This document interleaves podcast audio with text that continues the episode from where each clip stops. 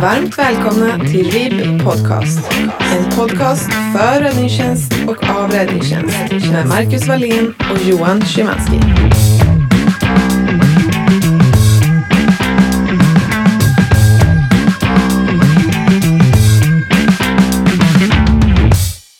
Hej Marcus! Tjena Johan! Hur är läget? Ja men det är bra, läget är under kontroll. Hur är det själv? Du, du har väl jobbat i natt? Ja men precis, jag är faktiskt lite trött. Det har varit en hel del i regionen här. Eh, Men eh, jag har sovit inför passet och ska vila lite till efteråt nu. Så att, ja, Ja, jag är redo. bra. Då hoppas vi att du är på tårna här under inspelningen. Givetvis. Och du, dagens tema, utryckningskörning, det var ju min favorit. Ja men precis, jag är nog skyldig dig någonting där då. Ja, det får vi komma överens om eh, efter inspelningen då. Men ehm, just utryckningskörning där, vad, vad tänker du kring det? Ja, men man kan väl tänka som så att det är ju faktiskt en av de gemensamma nämnarna för, för alla typer av larm. Det är där det börjar och vi måste ju ta oss fram till själva olycksplatsen på något vis. Mm. Ja, men precis. Och det var kanske därför som den kom ut som vinnare i eh, omröstningen. Då, att eh, det är ju faktiskt det som, som alltid inträffar. Så det, det ser jag fram emot att prata vidare om. Har du kanske till och med någon, någon, någon utryckning som har gått dåligt för dig som, eh, som du kan bjuda på? Ja, men jag, jag tänker att det finns eh, olika situationer. Jag, jag minns särskilt en gång när det hade kommit en decimeter nysnö. Jag var på väg på ett prio 1-larm och insåg att eh, genom att köra med blåljus och sirener så, så var det många som eh, försökte panikbromsa och liknande. Och eh, det här innebar egentligen att jag höll på att köra in i dem och de höll på att köra i diket. Så, så mitt beslut i det läget blev faktiskt att stänga av larmanordningen för att jag bedömde att det gick fortare att följa med trafikflödet. Ja, så kan det ju eh, definitivt vara. Det kanske vi får anledning att komma tillbaka till under avsnittet och diskutera. Mm. Själv då, har du något liknande exempel? Ja, nu tänkte jag på halka när du pratade om det där, men jag, jag har också en... eh, Jag åkte som FIP, eh, befälsfipp en gång en sommar. Letade en skogsbrand. eh, Och den har etsat sig fast lite grann, för då, då körde jag ju då följaktligen själv i ett mindre fordon.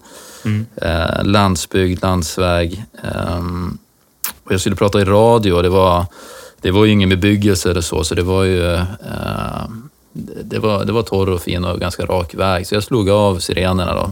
Eh, Det kanske säkert många känner igen att det inte är helt lätt att prata i radio när man har sirenerna på. Eh, Så att eh, jag gjorde den bedömningen att här behöver jag inte dem och pratade i radio och avslutade det, körde vidare, kommer över krön och där möter jag en, en, ett hästekipage. Mhm. Och de har ju inte hört mig då, eh, följaktligen, eftersom att jag ska slagit av sirenerna. Jag kör inte speciellt snabbt, men, men eh, hästen blir ju rädd av, av blåljusen. Mm. Eh, så hästen stegrar sig, eh, varpå den, den kommer in ut mitt i vägen. Och eh, det var en, en, en eh, god ryttare där som, som kunde kontrollera hästen då.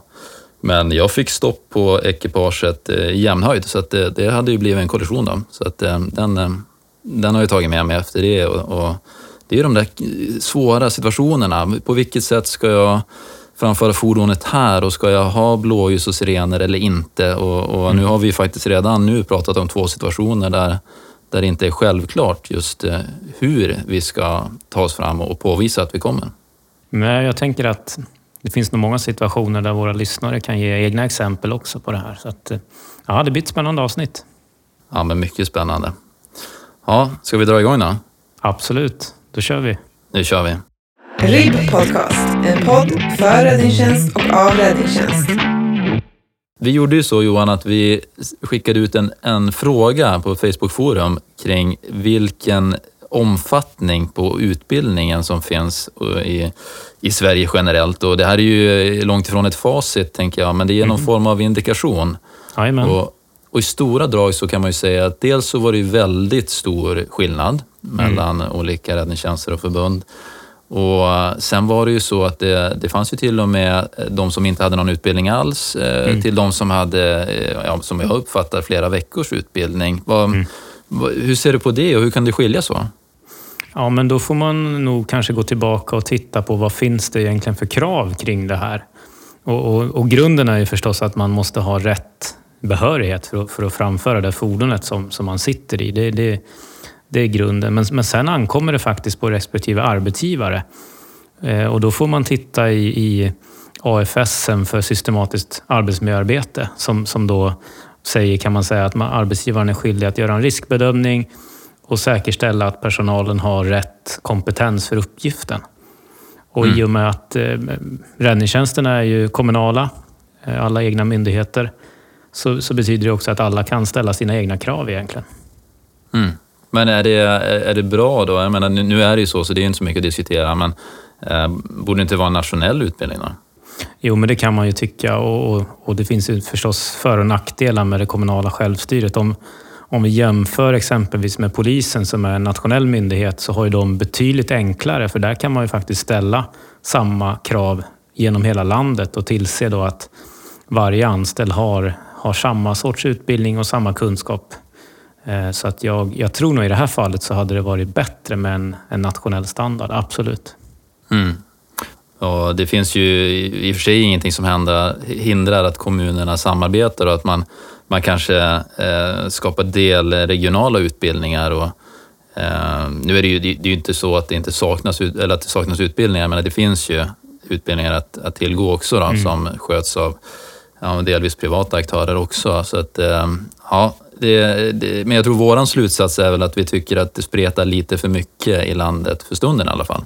Ja, men det tycker jag. Och framförallt så, så ska det ju inte idag finnas någon som sitter bakom ratten och kör utryckning som inte har fått någon utbildning alls. Det, är ju, det måste jag väl ändå säga ett underbetyg till den arbetsgivaren faktiskt. Ja, det får de ta med sig hem där och, och lösa helt enkelt. Jajamän. Podcast. Ja, Marcus, vi pratade lite om AFS där kring arbetsmiljöarbete, men om vi ska gå in på lagstiftningen som berör själva alltså, trafiken och framförandet, mm. vad, vad, vad, hittar vi då? Ja, men jag tror där skulle jag nog ändå vilja börja i eh, att slå fast att det är ju inte LSO som, som, som styr våra undantag i, i trafiken, utan det är ju trafikförordningen. Mm. Eh, så ehm, det har man ju hört många gånger att nu, nu åker vi på larm, vi åker blått och om det går stort larm eller litet larm, alltså då, det, det, det är larm. Och mm. Det stämmer ju inte riktigt, utan att, att våra resurser blir aktiverade, eh, det är ju en sak. Sen är vi tillbaka på det vi pratade om i föregående avsnitt, om prioritering på larm. Mm. Och här är det ju så att den prioriteringen är kopplad till vilka undantag vi kan göra. Och då är vi inne på trafikförordningen eh, som styr, både för oss och för andra organisationer. Det är ju samma lagstöd som, som vi har som polis, ambulans, läkare med flera. Ja, just det. Så oavsett vilket utryckningsfordon man sitter i så, så är det samma grund som gäller? Mm, precis så. Och sen har vi också då kan man nämna i det här sammanhanget att vi har ju vägtrafikförordningen också som, det är ju inte utryckningskörning, men där har vi mycket koppling till undantag i, i övning framför allt, så att den är ju värt att, att läsa på om man inte har gjort det. Ehm, men tillbaka till trafikförordningen då, så är det elfte kapitlet där framför allt som man ska läsa ehm, och då är vi inne på de här säkert lyssnarna känner igen att vi har tre, tre nivåer man pratar om. Det är ehm, tjänstutövning, det är, det är brådskande yrkesutövning och det det är trängande fall. Och, det, ja, just det. och just det, utryckningskörningen, då, det faller ju då in under trängande fall och prio 1 som vi kallar det. Mm. Och då skulle man kunna översätta dem där till prio, ja, i det här fallet du sa de 3, 2, 1 nästan då? Ja, det är väl en god utgångspunkt om inte annat i, i, i en diskussion. Mm. Spännande.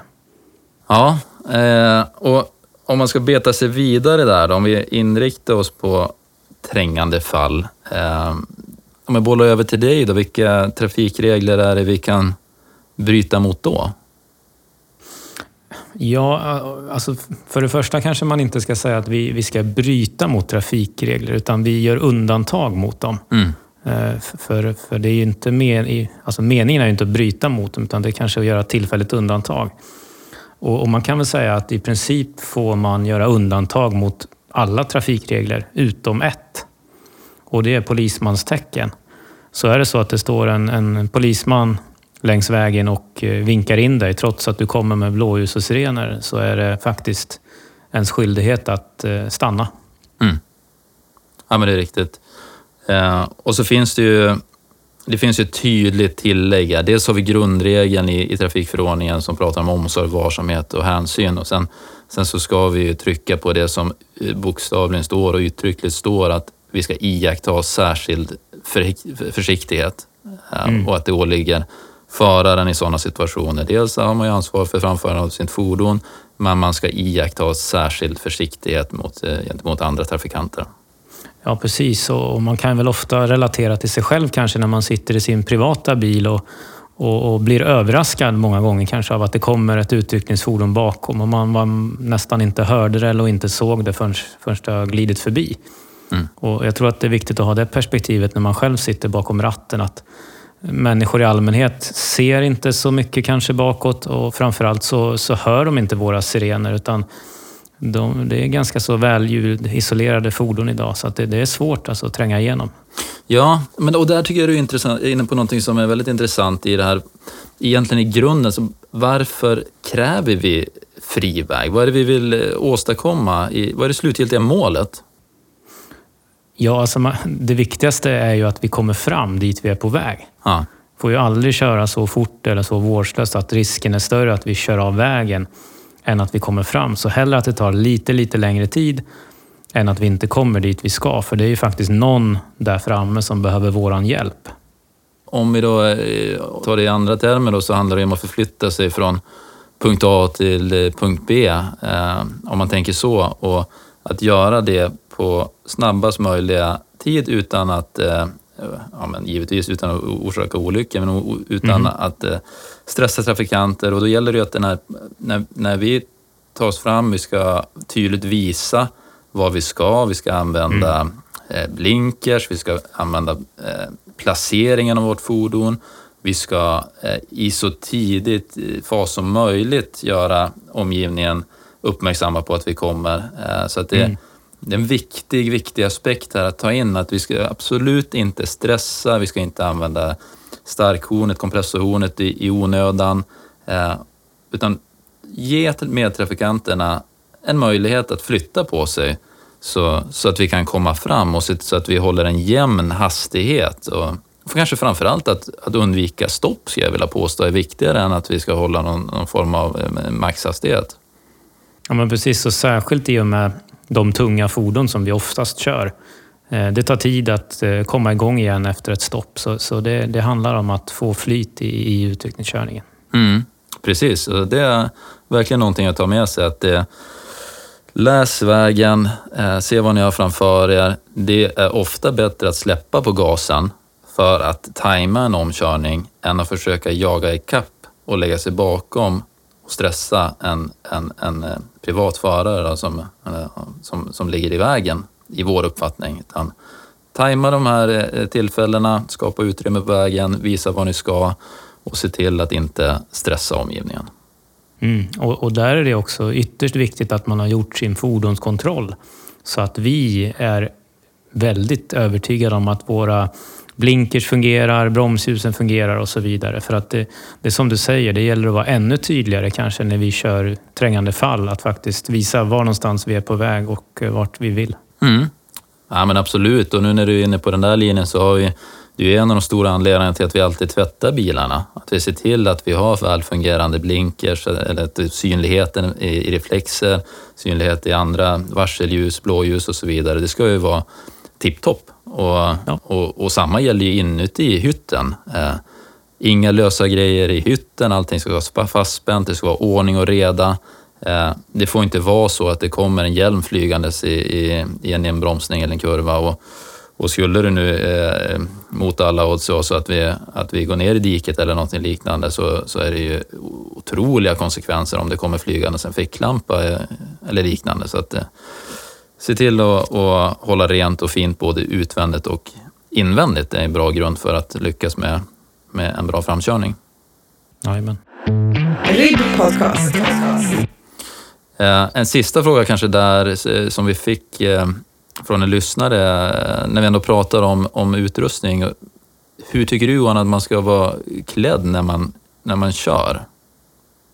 Ja, det, alltså det är en jättesvår fråga faktiskt. Jag tror att det beror lite på vilket typ av fordon man, man framför i det här läget. Sitter mm. man själv så kanske man väljer eh, en lite lättare klädsel, att man tar på sig hjälm och jacka när man väl är framme. Medan sitter man i en släckbil kanske det är en fördel att ta på sig det innan man, man åker iväg. Åtminstone jacka och sådär. Och hjälmen kanske man väntar med. Jag, mm. jag, jag, själv kör ju inte, men, men vi klär oss ju alltid innan vi åker iväg. Då, så det, det sitter vi påklädda. Men man, man har ju också rökdykare kanske i baksätet. Vissa har ju fordon där man klär sig helt och hållet vid, vid framkomsten.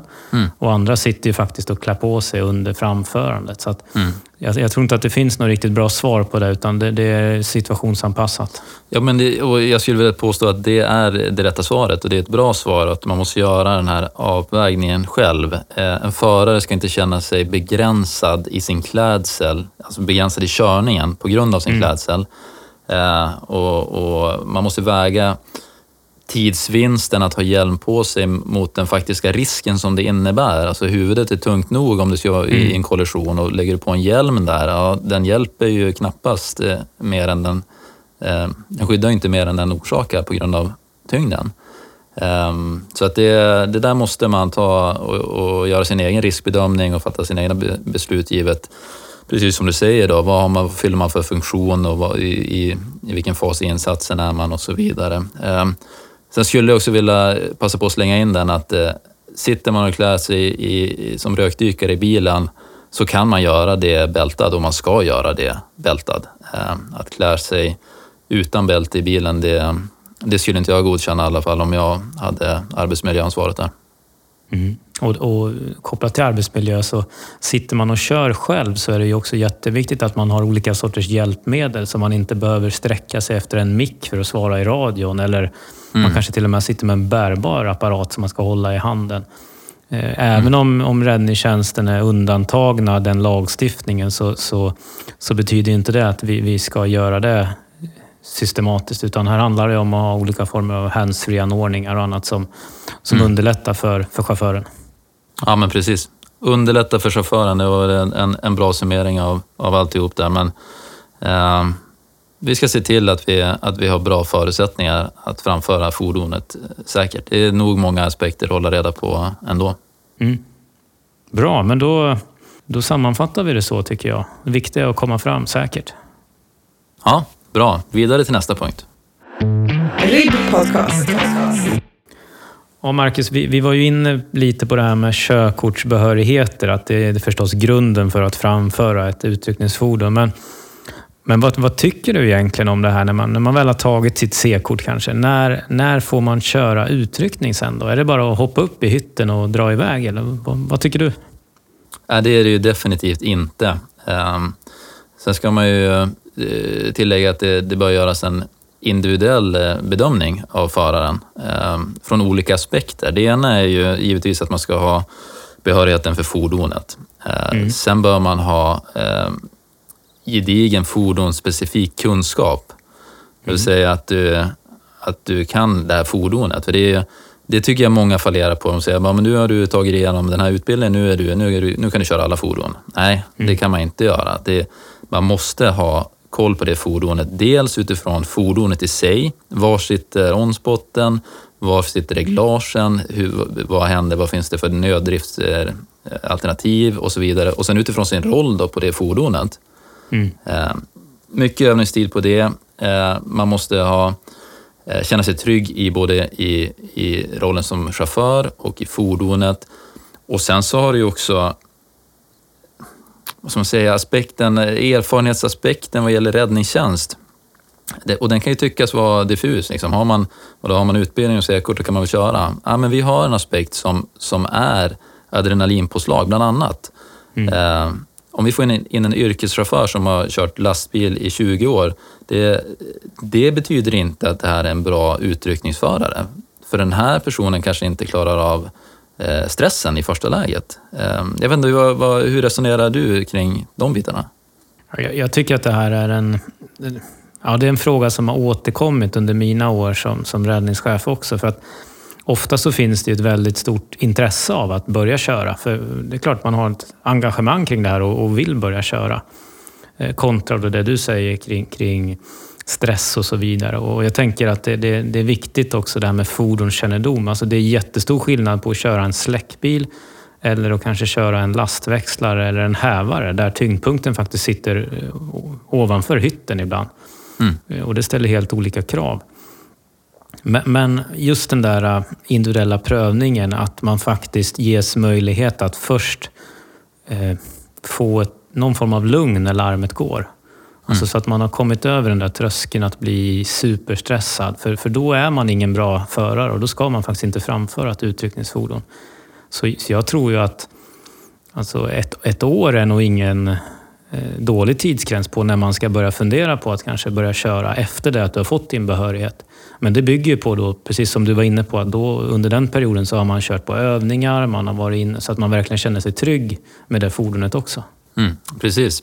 Och jag tänker att eh, varje organisation bör ha en, en fordonsansvarig eller vad, hur man nu väljer att bedöm, mm. bedöma det som, som är ansvarig för, för utryckningskörningen.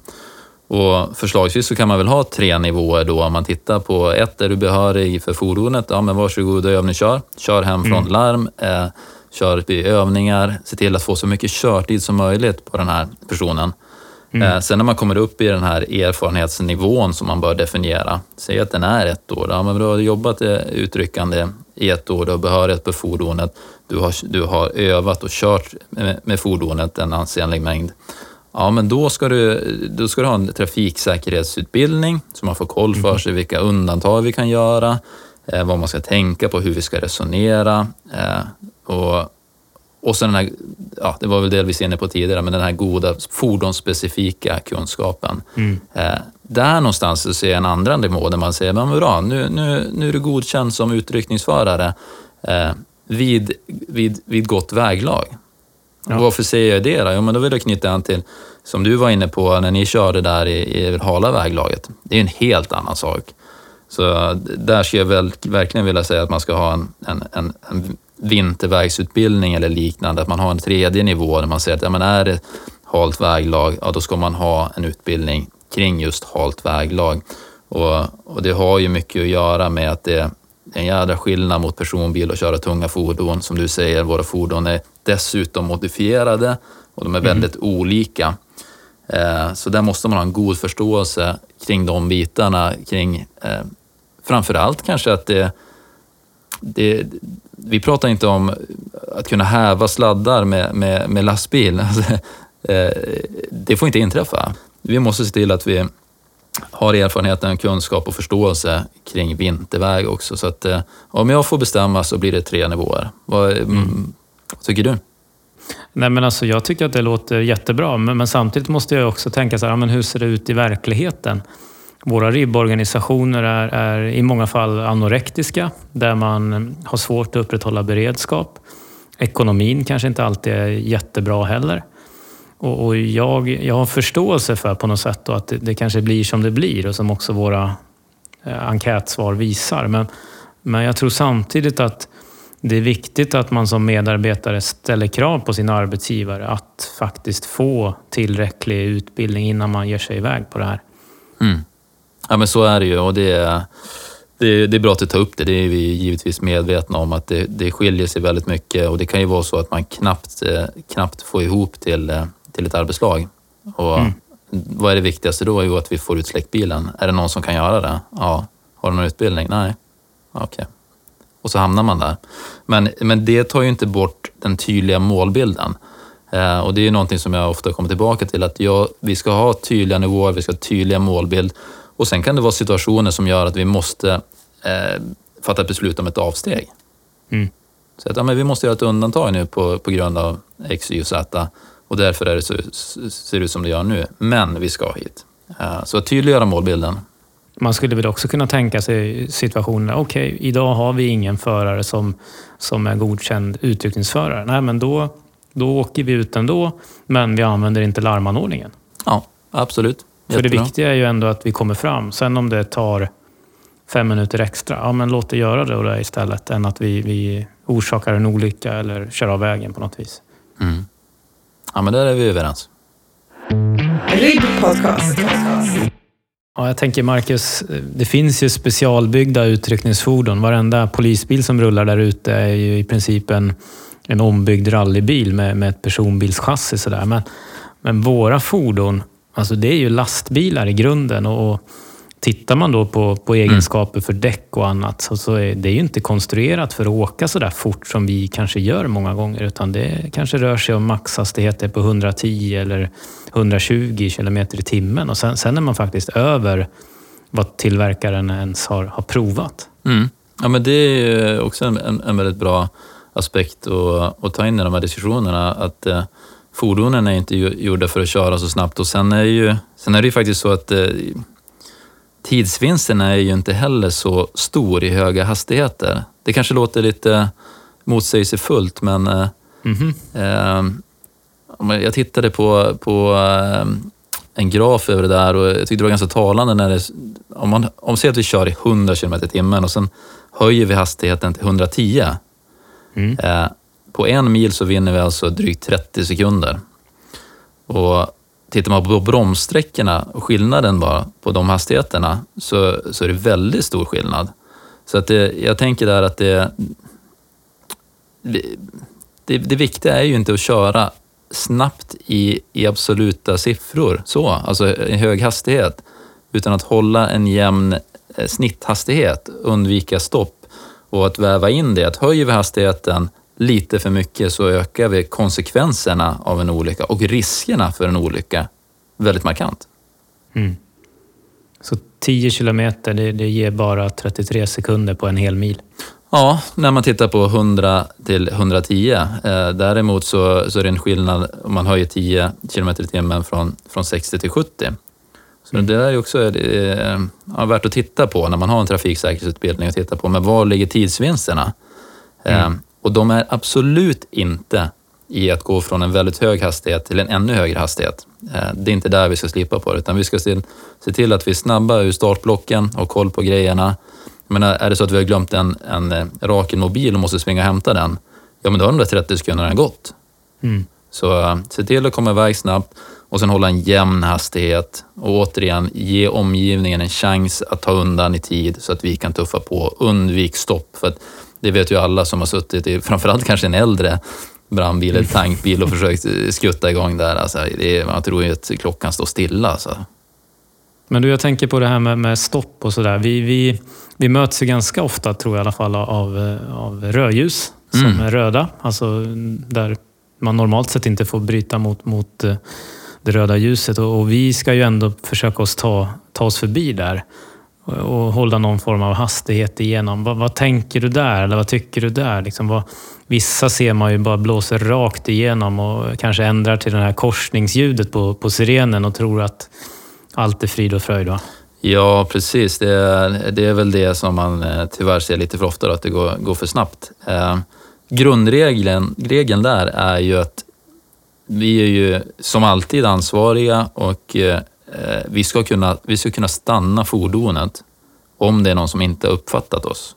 Vi kan mm. ju absolut inte ta för givet att, att alla ser och hör oss, utan ska vi passera ett, ett rött ljus i en korsning så eh, tycker jag att grund, grundhastigheten, eller maxhastigheten, bör ligga någonstans i, kring 20 km i timmen. Alltså det, här är, det här ska inte gå snabbt. Eh, det här är bara återigen för att undvika, som du sa, att stå stilla. Mm. Så Eh, bromsa in ordentligt, se till att alla ser dig passera i runt 20 kilometer i timmen. Då gör vi det på ett, eh, ett så säkert sätt som möjligt. Så det gäller alltså att eh, synas så bra som möjligt, höras så bra som möjligt, men ändå ha en, en beredskap att kunna stanna eh, ifall någon inte uppmärksammar oss? Ja, väl, väl sammanfattat. Bra. Jag, jag tänkte också på en annan fråga så som bruk, brukar dyka upp. Det är ju det här helljusblinket. Alltså man kan ju komplettera larmanordningen, blåljusen då, och sirenen med, med, med ett vitt ljus som blinkar. Och det här är ju extremt effektivt många gånger. Mm. Men, men det används ju kanske inte riktigt på rätt sätt. Eh. Nej, alltså det... Jag håller med dig. Min erfarenhet är att det är extremt effektivt. Eh, speciellt om det är lite längre avstånd. Så. Mm. Att, Eh, blåljuset försvinner lätt i, i, i dagsljus då och syrenen, men det vet ju alla, liksom man kommer upp lite i hastighet så här, det, den når inte långt framåt. Eh, men däremot det här eh, helljuset där, så att, att använda det givetvis bara dagtid mm.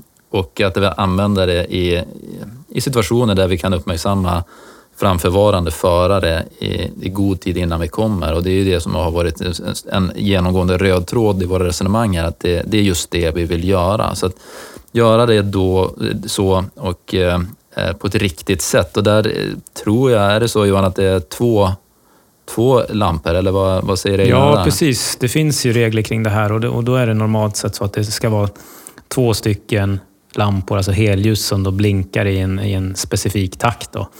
Eh, så man får ju inte ha hela släckbilens eh, fyrverkeri liksom och tända sig och släcka sig hela tiden. Utan då, då tycker man att det bländar för mycket. Utan det här ska vara två stycken eh, lampor, antingen de ordinarie helljusen eller två stycken extra ljus. Och de ska vara monterade också på ett visst sätt.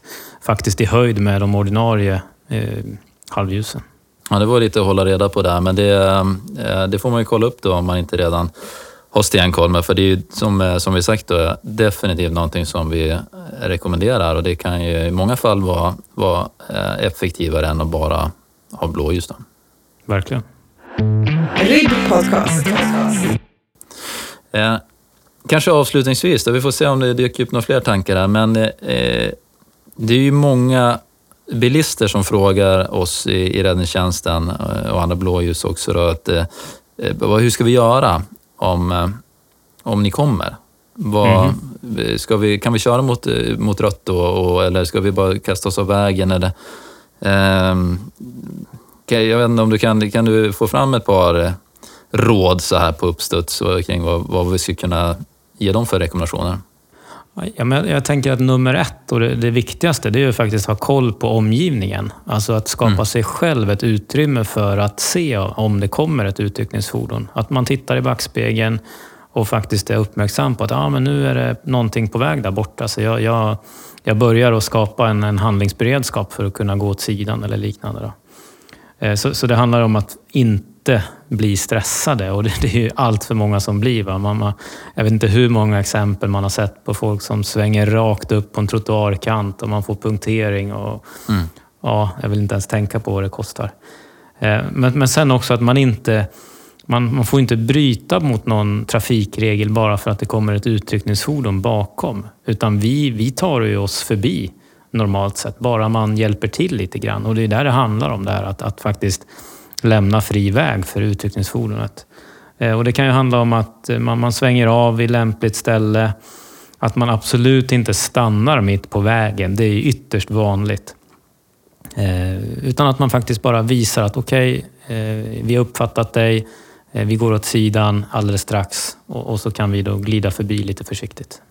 Ja, men snyggt. Det är, eh, om jag ska summera där så är det ju att vara uppmärksam, eh, försök att inte bli stressad. Mm. Ehm, och det är lätt att se. Det är väldigt det, bra råd. Ja, det är lätt. Men det, men det, det hänger ihop det där. Liksom. Har man upptäckt mm. oss i tid, ja, men då har man köpt sig tid att, eh, att flytta på sig också.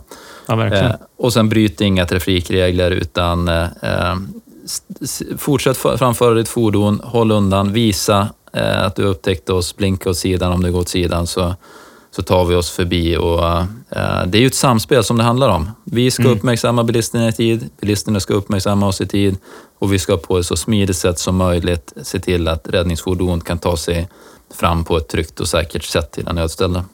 Mm. Bra. Eh, jag tänker så här att vi, vi avrundar väl där och eh, sen har vi också, vi kan väl göra en liten notis om det, att vi har en Facebook-sida som heter ja, RIB Podcast där man gärna får följa oss då och det är väl där också då som vi framöver ser fram emot att föra en liten tätare dialog med lyssnarna eh, framöver. Ja, vi har ju haft vårt, vårt första avsnitt och sen uppföljningen på det utifrån de frågor vi har fått in. Och nu hoppas vi ju att det kommer många intressanta frågor på det här temat som vi, vi kan följa upp nu om ett litet tag. Ja, och det kan vi återigen säga att vi, vi gör ju den här podden för er lyssnare. Så kom med frågor, kom med inspel. Eh, säg till om ni inte håller med oss. Eh, vi, vi, vi för gärna dialoger kring det. Och, Och eh, eh, speciellt de här uppföljningsavsnitten då, det, de utgörs ju av frågor så att eh, det är där det gäller att, eh, att vi har mycket att jobba med. Ja, men precis. Och, och, du och jag har ju hållit med varandra väldigt mycket i det här avsnittet. Men, men kanske någon gång att vi, vi får tillfälle att ha olika åsikter också. ja, men det ser jag fram emot. Eh, ja, men bra Johan, jag tyckte du var på tårna idag trots att du har jobbat natt. Så att, ja, men tack, tack. Du får godkänt. Så får du väl lägga dig och, och vila lite i soffan nu då. Det ska jag göra. Du får ha det så bra. Detsamma. Hej på dig. Hej. Du har lyssnat på RIB Podcast. En podd för räddningstjänst och av räddningstjänst.